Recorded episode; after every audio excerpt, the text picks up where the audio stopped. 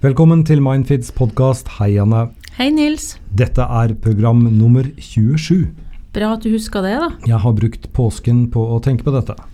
Jeg har eh, faktisk klart å oppfylle mitt nyttårsforsett for de som har noen. Du har jo ingen. Har ikke det? Jeg hadde tre, og en av dem var å Hadde du tre, hadde du ikke bare to? Nei, jeg tror jeg hadde tre. Oh, ja. Var å sove til jeg våknet, og det har jeg gjort. Og det er så deilig å være i byen når det er påske, fordi halvparten av menneskene forsvinner. Ja. Og det, jeg tror eh, jeg trives eh, bedre jeg med få, Det er fint. få folk. Det er fint. Jeg har gått på ski. Ja, hvor da? På Meråker utenfor Trondheim. Ok, var det bra? Det var veldig bra. Du har ikke fått noe særlig farge? Ikke fått noe særlig farge, det er for at jeg bruker solfaktor. Ja, den er høy. Vi har to eh, spørsmål i dag som vanlig. Um, ett skal handle om sjalusi, og det andre skal eh, handle om problemer med å håndtere tilbakemeldinger eller konstruktiv kritikk. Ja. Og vi begynner med sjalusi. Jeg leser. Hei, sliter med dårlig selvbilde og sjalusi. Vet ikke hvor jeg skal oppsøke hjelp. Bor på en liten plass. Redd for å ikke forbli anonym. Jeg har klart å prate om mine problemer med samboeren, men han vet ikke hvordan han kan hjelpe meg. Jeg er veldig glad i ham, vil ikke miste ham pga. sjalusien. Prøvde å hjelpe meg selv, men det varer ikke lenge før følelsen tar over. ja. Eh, Kan jeg bare si sånn helt kort at sjalusi eh, handler vel i bunn og grunn om en angst for å bli forlatt. Eh, og at jeg tenker, Det er jo viktig å anerkjenne det som en følelse som vi alle har i oss. Små barn blir jo sjalu. Jeg og du vi kan bli sjalu. Det trenger jo ikke bare være i et kjæresteforhold. Men, men det er klart at når det her blir et problem som, som går utover forholdet, i den grad ikke sant at uh, samboer Altså du er redd for at samboer skal gå fra deg, dette kommer ikke til å holde i lengden, så er det jo viktig å gjøre noe med det. Men vi, før, du, før du går videre, bare ett hakk tilbake til det du sa. Eh, altså at det bunner ut i en følelse, eh, en frykt, eh, for å bli forlatt. Ja. Hvorfor har vi denne frykten? Jeg tenker at eh, dette er i, i, i forhold mellom to kjærester. Jeg tenker Det er ikke sikkert det er det samme som i en søskenrivalisering, eller noen har noe som du ønsker deg. Det er jo forskjellige grader kanskje av misunnelse òg. Men når det gjelder sjalusi i forhold til noen, så er det jo i bunn og grunn en redsel for å bli forlatt. Og det er jo noe som vi mer eller mindre er sårbare for ut ifra erfaringer, tenker jeg ofte, altså. Eh, noen av oss har opplevd en del eh, brudd i forhold til andre rundt seg. Det trenger ikke være bare i kjæresteforhold, det kan også være fra barndommen, fra forholdet til foreldrene dine. Eh, den der opplevelsen av at en ikke er verdt, verdt noe eh, når en blir forlatt på en grusom måte. Kanskje en har blitt utsatt for eh, utroskap før, svik, som gjør at en blir veldig redd for det her at noen skal forlate en på nytt. da. Så jeg tror det kan sette seg veldig i nervesystemet til, til de som har de erfaringene med seg. Og så tenker jeg, iboende i oss alle fra vi er født, så er vi jo avhengig av uh, å bli tatt vare på når vi er små. Og det er klart at da er jo uh, separasjonsangsten noe vi alle har. ikke sant? Og vi har jo en iboende redsel for å bli forlatt, og spesielt når vi er avhengig for at vi trenger noen til å ta vare på oss, uh, sånn som små barn gjør.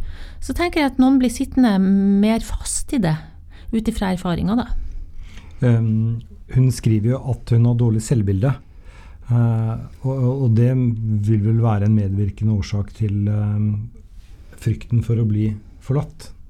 Ja, jeg tenker det. Erfaringene mine jeg jobber med um, de som går til meg som er sjalu, er jo ofte eh, viktig for meg å prøve å finne ut sammen med dem noe av årsaken til sjalusien. Så vi må prøve å, å nøste tilbake historien til folk. Og da viser det seg jo at det kan være en del erfaringer, tidligere erfaringer de sitter med, eller i det forholdet de er i nå, der de har opplevd ting uh, som trigger det her veldig i dem. da. Uh, svarte jeg på spørsmålet nå? Ja, altså hun lurer jo på hvor er det hun kan oppsøke hjelp, men det høres jo ut som uh, uansett hvor det er en, at det er en, en slags sånn eh, samtale hun må ha med sin partner. Altså, finne, altså hvorfor har hun dårlig selvbilde? Uh, det er en medvirkende årsak til frykten av å bli forlatt, som igjen fører til sjalusi. Ja, det tror jeg er helt riktig. Og jeg tenker at et godt, et godt startsted sånn som her er å være åpen med samboeren din. Men så er det også viktig at ikke de her Altså i et forhold der en er sjalu, så er det viktig at en ikke begynner å unngå alle situasjoner som kan utløse eller trigge sjalusien.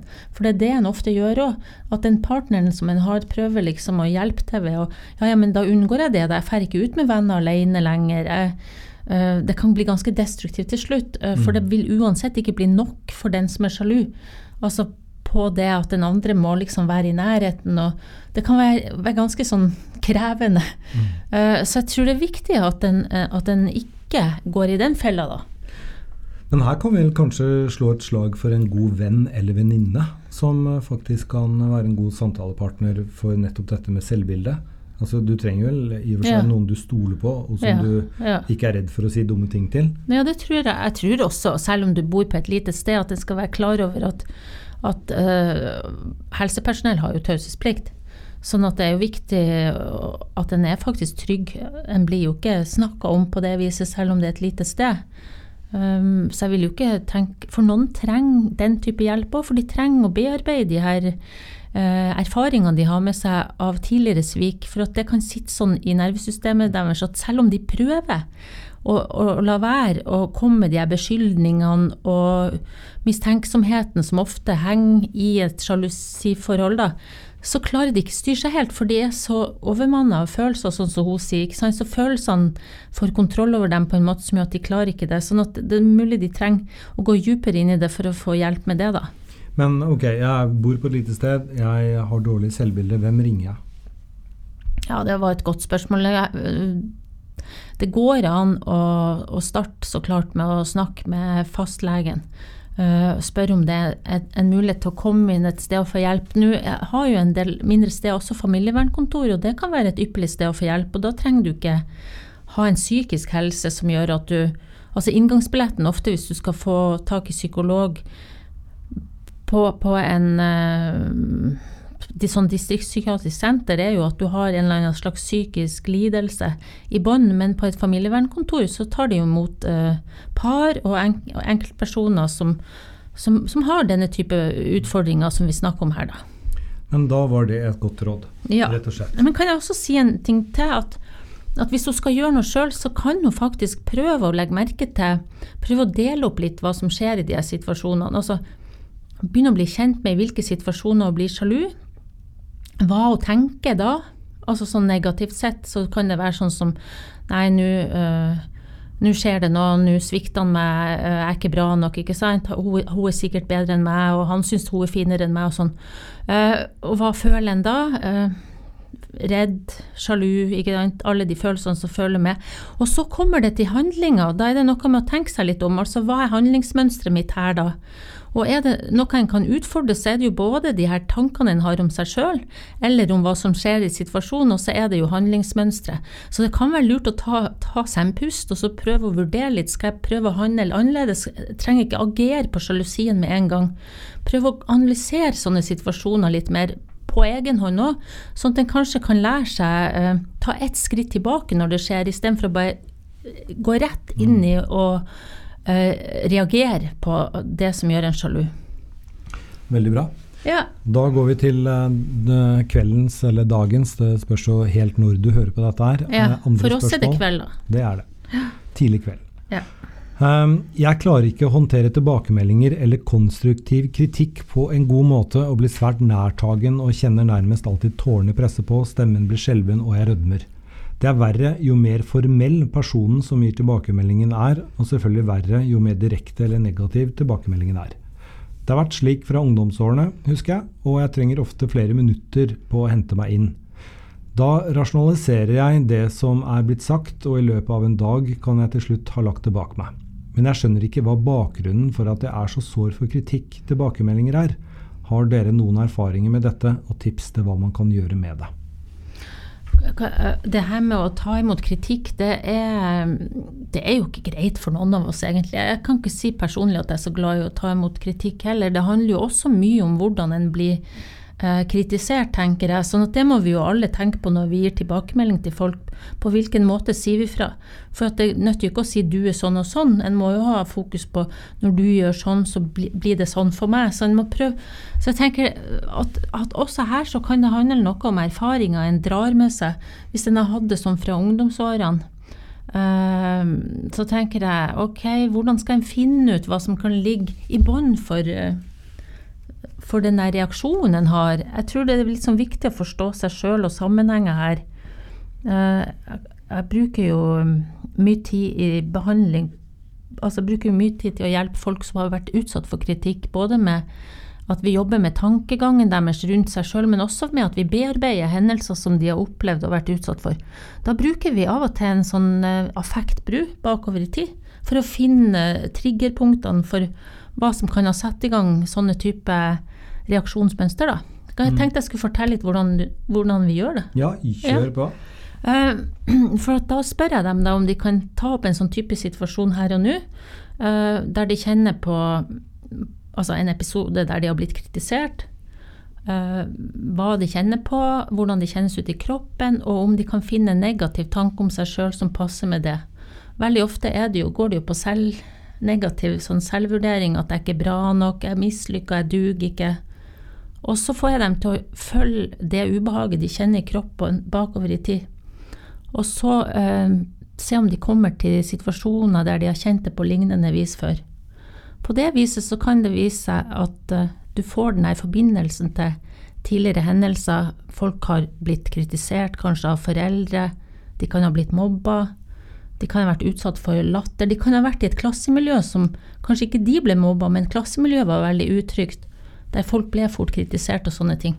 Det er litt sånn viktig at du ser de sammenhengene, sånn at du også kan starte med en slags aksept eller anerkjennelse av ditt reaksjonsmønster.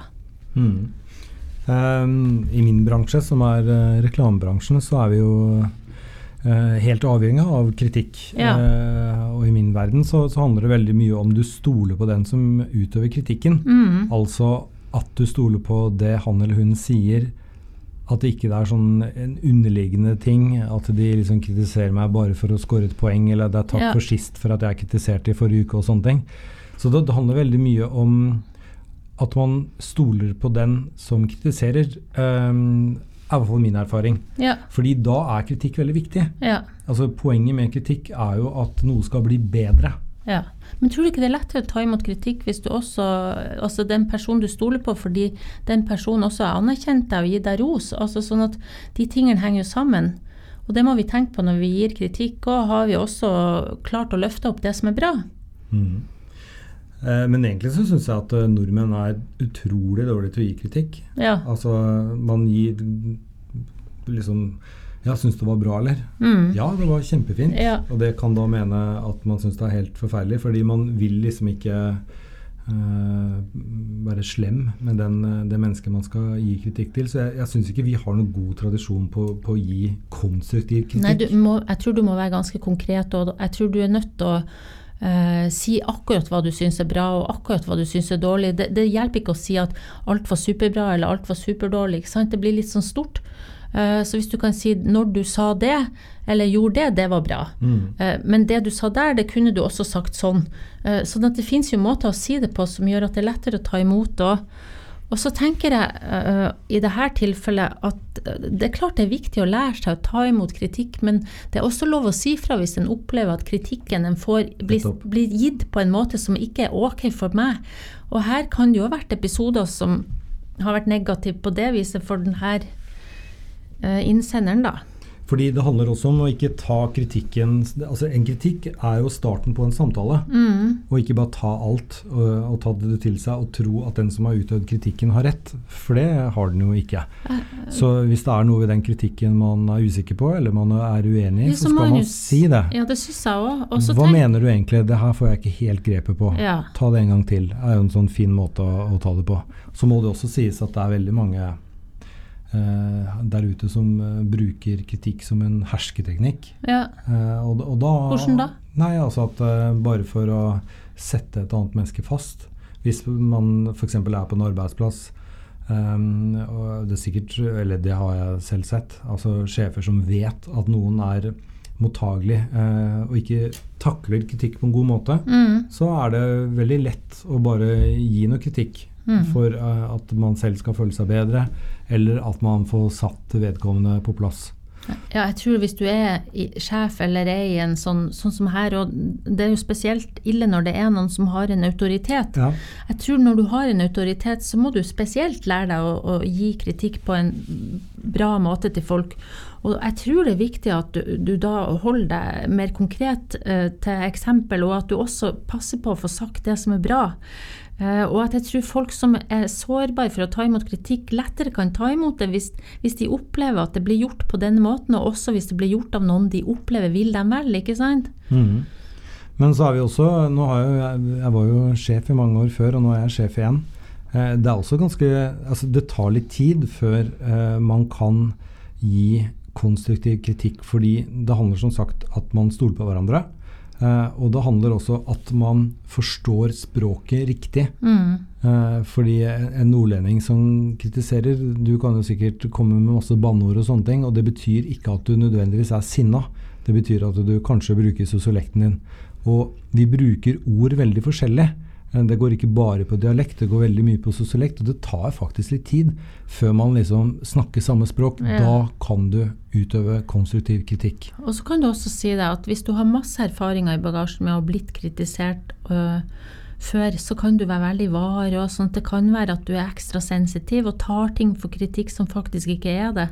Så igjen så tror jeg at hvis du reagerer på det som blir sagt til deg, så er det viktig at du responderer eller spør øh, hva mente du.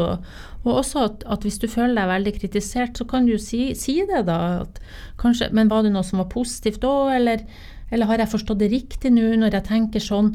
Så det å lære seg å snakke i sånne situasjoner, ikke bare ta imot, og ikke bare ta imot som om alt er sant, som du sier, det er jo også viktig. Men da må en jo i bunn og grunn ha et selvbilde òg, der en tenker at den er bra nok som en er. Eh, og da er det òg lettere å ta imot kritikk. Så det handler jo også om hva en tenker om seg sjøl. Og det er jo det som forbinder eh, episodens to spørsmål sammen. Mm. Altså at det handler veldig mye om, om selvbildet, Mm. også her. Og, og, og hvis en skal få et bra selvbilde, så er det jo viktig at en også begynner å legge merke til det som er bra med en sjøl. For at det som skjer med de som har dårlig selvbilde, at de legger jo mest vekt på det som er negativt. Med andre ord også mest vekt på det som blir sagt til dem som er negativt fra andre. Sånn at det er jo en treningssak det å begynne å legge merke til det som er bra med en sjøl. Det lettere sagt enn gjort, for å si det sånn. Ja, de fleste mennesker er jo bra, så det er stå opp for deg selv og still spørsmål hvis det er noe ikke du forstår. Da kan det, Ja, da kan det gå langt. Ja, og så kan du jobbe med de her negative tankene, tankestrømmene du kan ha om deg sjøl. Du kan prøve å utfordre dem litt, ikke sant. Uh, vil jeg tenke det samme om en venn? Uh, ser, jeg det helt, uh, ser jeg det fra alle sider nå, eller er jeg veldig prega av, av at jeg ser det fra bare ei negativ side? Um, Man kan egentlig Prøv å, å, å, å egentlig motargumentere litt. Ja. Lag litt mer sånn argumenter for og imot inn igjen, og ikke sånn ta det 100% til seg som en sannhet. da. Men der kan man faktisk eh, lære litt eh, fra engelskmennene. Altså måten de på en måte går litt rundt grøten på. fordi hvis man får kritikk som man ikke skjønner hva eller man mener er urettferdig, og man sitter og tenker ok, det er sjefen min som sier dette her, jeg får bare ta det til meg, jeg får nikke, og så kan jeg gå igjen. Men hvis man har lyst til å respondere, så er det mm, kanskje litt dumt å dra følelseskortet med en gang. Altså, jeg blir veldig lei meg når du sier sånne ting. Ta heller og lær litt av engelskmennene som går litt rundt grøten og si noe sånt som Du, det der eh, var veldig interessant, eh, men jeg har litt problemer med å forstå akkurat hva du mente. Kan du ikke gå ett hakk tilbake, for jeg er faktisk opptatt av å lære. Eh, og jeg hører nå at du, du prøver å gjøre mitt arbeid bedre, men jeg Det- det- får det ikke helt med meg. Absolutt et godt poeng. Men, Uten å høres ironisk ut. men samtidig vil jeg si at bruk følelseskortet. Det blir litt sånn negativ betegnelse på å sette ord på følelsene sine òg. Og er vi nordmenn er jo ikke så flinke til å sette ord på følelsene våre heller. Sånn at det er viktig det der òg, å kunne tørre å si hva en føler og reagere på. Men det er samtidig også viktig så klart å spørre litt hva den andre mente, og gå litt mer på budskapet og prøve å, øh, som du gjør, uh, etterspør litt mer. Ja. Her er faktisk eh, lekmannen litt uenig med psykologen. Ja, det får du bare være. Det får du bare være. Og Ja. til de dere Hva er du uenig i, da? Nei, altså det er følelseskortet. Jeg, jeg mener Jeg vet ikke hva du mener med det. F.eks. hvis du kritiserer meg, Ja. og mitt svar til deg er Oi, nå ble jeg veldig lei meg. Eh, du, du kan ikke gjøre sånn. Jeg, bla, bla, bla, bla osv. Altså, da er det mine Jeg kan ikke kritisere deg for at det gir deg dårlig følelse. Da syns jeg, min erfaring, at det er bedre å gå på sak. For, for det handler jo I arbeidslivet så handler det som regel om en ting. Eh, og det handler veldig ofte om at den som kritiserer, har lyst til å gjøre arbeidet, eller hjelpe til at dette arbeidet blir bedre. Men du, da er det klart vi snakker om litt forskjellige situasjoner òg, sikkert. For arbeid er én ting, noe annet er eh, Det kan være situasjoner der du får tilbakemeldinger på hvordan du er i Det trenger ikke være arbeid nødvendigvis. Og så er det jo klart at, at hvis du stopper andre med å si at du blir lei deg, det, blir, eh, det, blir, det kan bli som et sånn kort som, som du bruker. Men, ja, da stopper det. ja, men, men det er òg en viktig bit av det å kunne tørre å si hva andre gjør med en. Men en må jo samtidig si jeg vil gjerne høre hva du sier. eh, Men hvis du blir lei deg, så er det jo ikke noe mål i seg sjøl å skjule det, da.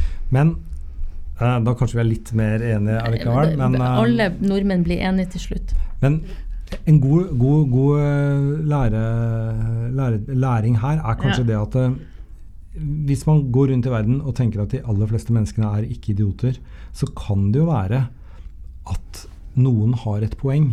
Og Ja. at det er faktisk noe i den kritikken som er riktig. Ja. Og så gjelder det egentlig bare å ha nok selvinnsikt, og det henger veldig nøye sammen med å ha selvtillit. Mm, Og Hvis man har det, så kan man ta til seg det som er konstruktivt, og da blir det bedre. ja. Så kritikk er egentlig ikke noe man skal være redd for, man skal være glad for den. Men du må på en måte vite og stole på at kritikken er reell, og at den er velment. Og at uh, du kan stole på at i bunn og grunn så er du ok allikevel. At ikke det liksom velter hele følelsen for hvem du er, hvis du skjønner. Og da syns jeg det bestandig er veldig godt å tenke på idrettsutøvere som f.eks. er veldig flinke og som har vunnet eh, masse olympiske gullmedaljer, og så går de skirenn, og så havner de på 50.-plass. Mm. Og så sier de bare Petter Northug. ja, for eksempel, jeg hadde ikke dagen. Ja, Det er lov. det er absolutt lov. Det er også lov til å gjøre en dårlig jobb. Ja, sant nok. Da sier vi at det var siste ordet i eh, denne utgaven av Mindfits podkast. Og som vanlig så har vi veldig lyst til å få inn flere spørsmål. Vi setter umåtelig pris på det, altså. Takk for det. Ha det bra. Ha det.